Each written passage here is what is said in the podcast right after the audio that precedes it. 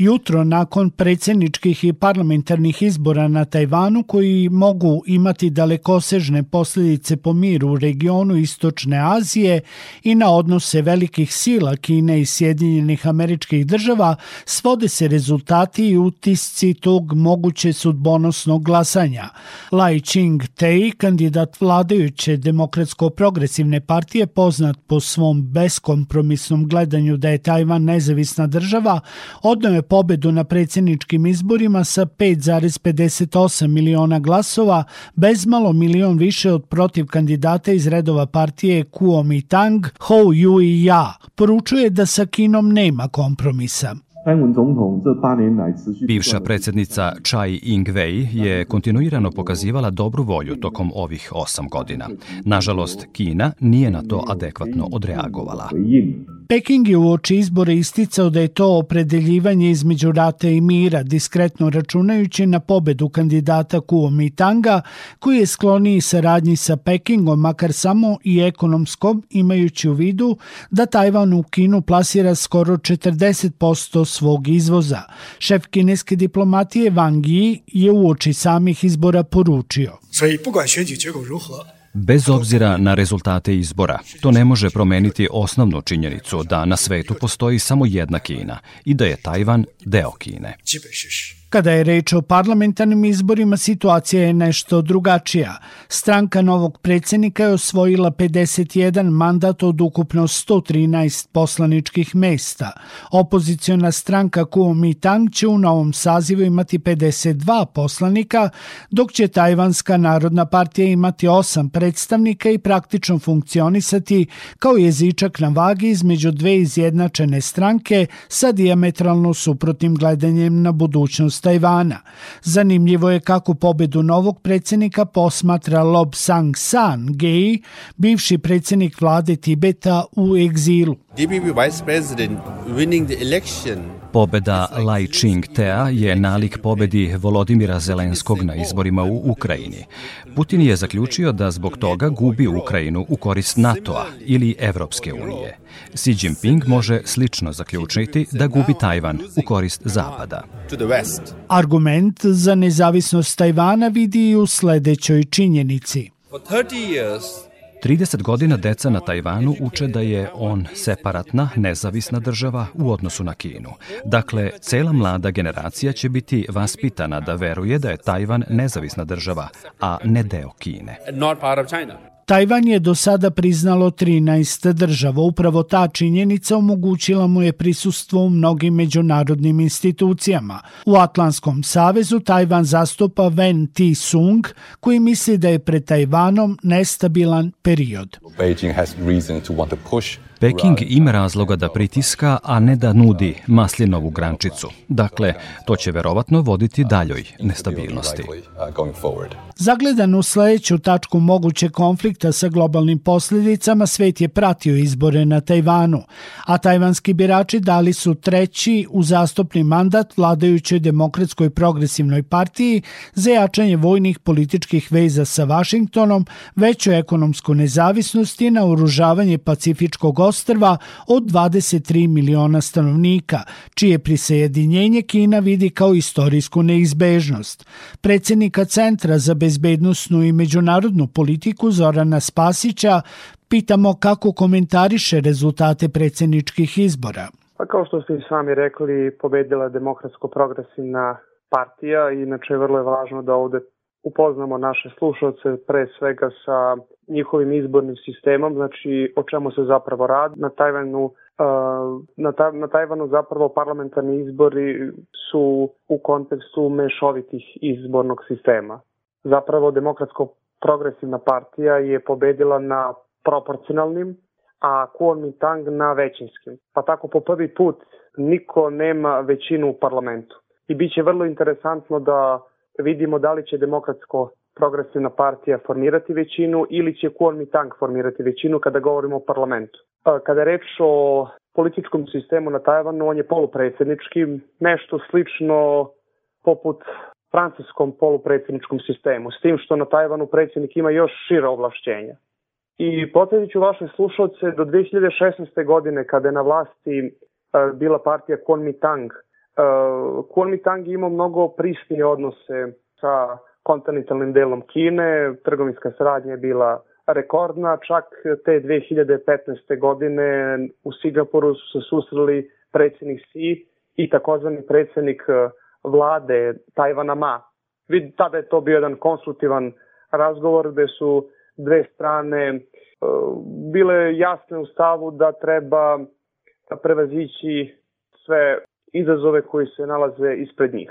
Dok neki analitičari smatraju da ovi izbori pokazuju i značajnu podeljenost u tajvanskom društvu, Spasića pitamo koliko takva podeljenost proizilazi iz onoga što bi mogli nazvati američkom strategijom političke dvosmislenosti, koja podrazumeva podršku politici jedne Kine paralelno naoružavajući Tajvan za odbranu od kineske vojne intervencije. Kako je, tu imamo prisutnost te dvostruke diplomatije, znači s jedne strane još Na kraju 70. godina Sjene američke države su priznale princip jedne Kine, odnosno da postoji jedna Kina sa sedištem u Pekingu, a sa druge strane uh, podržavaju Tajvan i kao što ste sami rekli naoružavaju. S tim što demokratsko-progresivna partija u odnosu na Kuomintang, ona je e, u svom političkom programu želi da se ocepi, želi da bude nezavis, nezavisna, a Kuomintang se zalaže isto za princip jedne Kine, samo uh, odnosno po njihovom političkom pogledu. Znači postoje razlike neke između te dve partije, jer ključna razlika je što upravo demokratsko-progresivna partija vrlo se jasno zalaže za nezavisnost. Sa druge strane moramo da posmatramo ovo sve u kontekstu globalnih dešavanja. Vrlo je važno pomenuti da smo u novembru mesecu imali Azijsko-Pacifički ekonomski samit, samit Azijsko-Pacifičke ekonomske saradnje, tačnije, gde smo imali susret predsjednika Bajdena i predsjednika Sija i videli smo da je to bio jedan vrlo otvoren, konstruktivan razgovor pre svega sadržajan razgovor, gde su dve strane vrlo jasno potvrdile da žele da razgovaraju, da žele da rešavaju i jačaju bilateralne odnose i da žele da rešavaju probleme koji stoje između njih. Bilo je naravno dosta reči o nekim pitanjima gde dve strane ne dele zajedničko mišljenje, da imaju drugačije poglede, poput pitanja Tajvana, zatim pitanja Južnog kineskog mora, pitanja visokih tehnologija i pitanja trgovine. Ali ono što je jako bitno je da se taj sastanak dogodio i on je vrlo ohrabrujući, jer sve dok dve strane razgovaraju, uvek postoji puno prostora da se problemi rešavaju.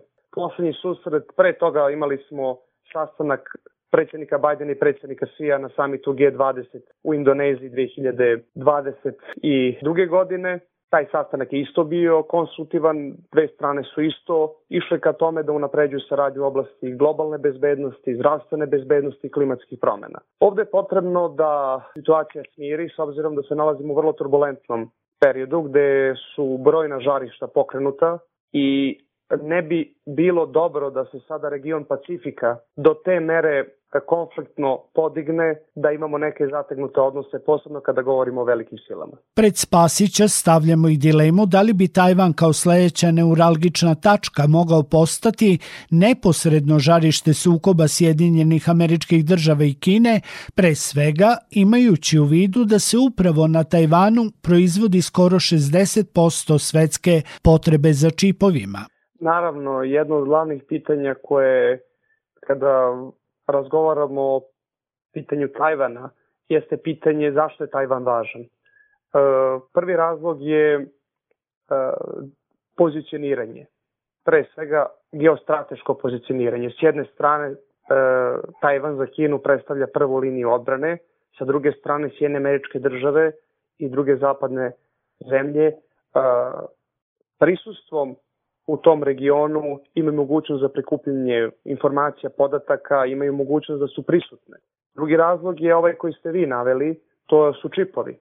Naime, samo tri svetske kompanije samostalno u potpunosti proizvode čipove.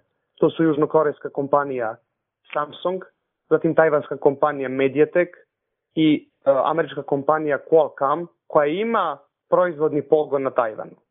I treći razlog zašto je Tajvan važan E, je stvar e, diplomatije i materijalnih resursa. Naime, Kina u ovom trenutku mora ogromna sredstva da ulože, ogromna materijalna sredstva da izdvoja e, za diplomate koji će da se bave pitanjem Tajvana. Tako da Tajvan je po svemu sudeći jako važan, ali je važno da da imamo situaciju da dve strane razgovaraju. Zato sam pomenuo samit Azijsko-Pacifičke ekonomske saradnje i zato je bitno da uh, u regionu Pacifika i u čitavom tom regionu Azije se sklapaju što veća partnerstva i da se prevazilaze sve stvari koje mogu dovesti do konflikta, posebno a, ako se osnovimo na ovo što ste vi pomenuli, a to je da može doći do direktnog konflikta dve najveće svetske sile. Sa druge strane, Tajvan je vruća tačka za Kinu, velika debela crvena linija, a za Washington tačka globalne dominacije koja se ne ispušta. Zorana Spasića za kraj pitamo mogu li upravo te činjenice održavati visoku temperaturu u Tajvanskom moreuzu u narednom periodu. Svakako je ova godina u geopolitičkom pa i u svakom drugom smislu dosta izazovna. Očekuje nas predsjednički izbori u Rusiji, očekuje nas izbori za Evropski parlament krajem maja, početkom juna i očekuje nas oni najvažniji izbori, a to su američki izbori. Svakako da od ishoda američkih izbora će zavisiti mnogo toga. Pa i pitanje Tajvana, odnosno kako će se sjene američke države e, pozicionirati. Da li će zauzimati čvršći stav, da li će se držati svog stava koji je prisutan decenijama ili ćemo imati neki drugačiji pristup. Mi smo mogli jasno da vidimo da sve velike sile ne menjuju svoje geostrateške interese, ne menjaju svoje poglede na geostratešku situaciju u određenom delu sveta, tako da ono što je zaista činjenično stanje je da ćemo imati jedan vrlo izazovan period i da taj period pre svega mora da bude obeležen ono istinskom težnjom da preovladava ona najjača logika na svetu, to je logika mira. Ne sme preovladati logika konfrontacije, ne sme preovladati logika a, rata, a, logika napetosti, već isključivo a, mora preovladati logika razumevanja, saradnji i nalaženja zajedničkog interesa.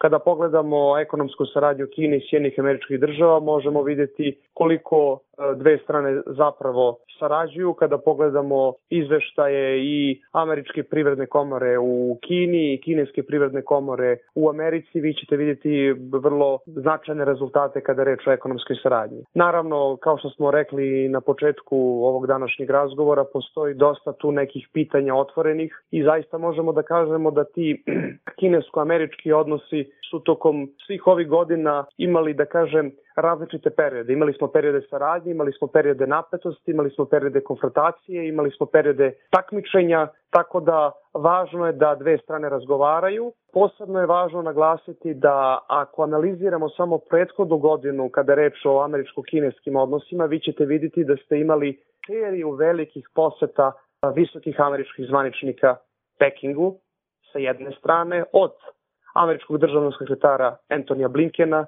zatim glavnog čoveka za klimatska pitanja, zatim posete američke ministarke e, financija Janet Yellen, to je bila poseta i Kissingera. Sa druge strane imali ste posetu i e, premijera Kine Vašingtonu, imali ste posetu ministar trgovine Vašingtonu, e, tako da to pokazuje da dve strane i tekako žele da razgovaraju da rešavaju e, sve neke probleme koje stoje između njih. Kineski predsjednik Xi Jinping ističe da pitanje Tajvana ne bi trebalo prenositi sa generacije na generaciju. Xi ne isključuje prisjedinjenje Tajvana ni vojnom intervencijom ako ne bude moguće mirnim putem. Iako je predsjednik Sjedinjenih američkih država Joseph Biden izjavio nakon izbora na Tajvanu da ne podržava proglašenje njegove nezavisnosti, State Department je odmah uputio čestitku novoizabranom predsjedniku zbog čega je Peking oštro reagovao. Biden je nagovestio da bi Sjedinjene američke države mogle i da se direktno umešaju u slučaju kineske invazije na Tajvan. Sektor Plus. Svet sa naslovnice.